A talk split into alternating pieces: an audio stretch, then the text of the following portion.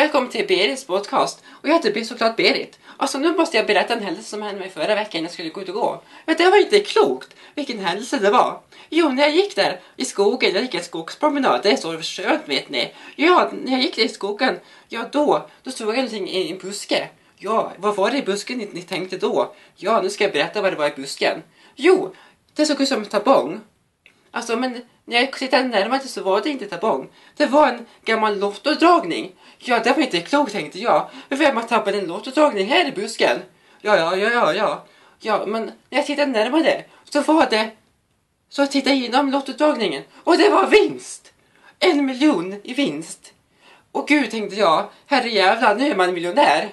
Men när jag såg på datumet så var det från förra året. Och jag tänkte, nej, vad fan att inte hitta den här lottodragningen innan. Men vems var den lottodragningen?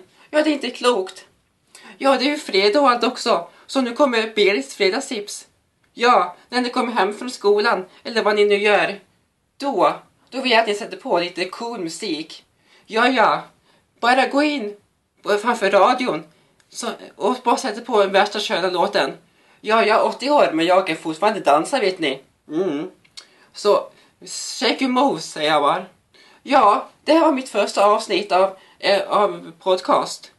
Ja, men eh, då säger vi så då och trevlig fredag på er mina små änglar. Puss puss!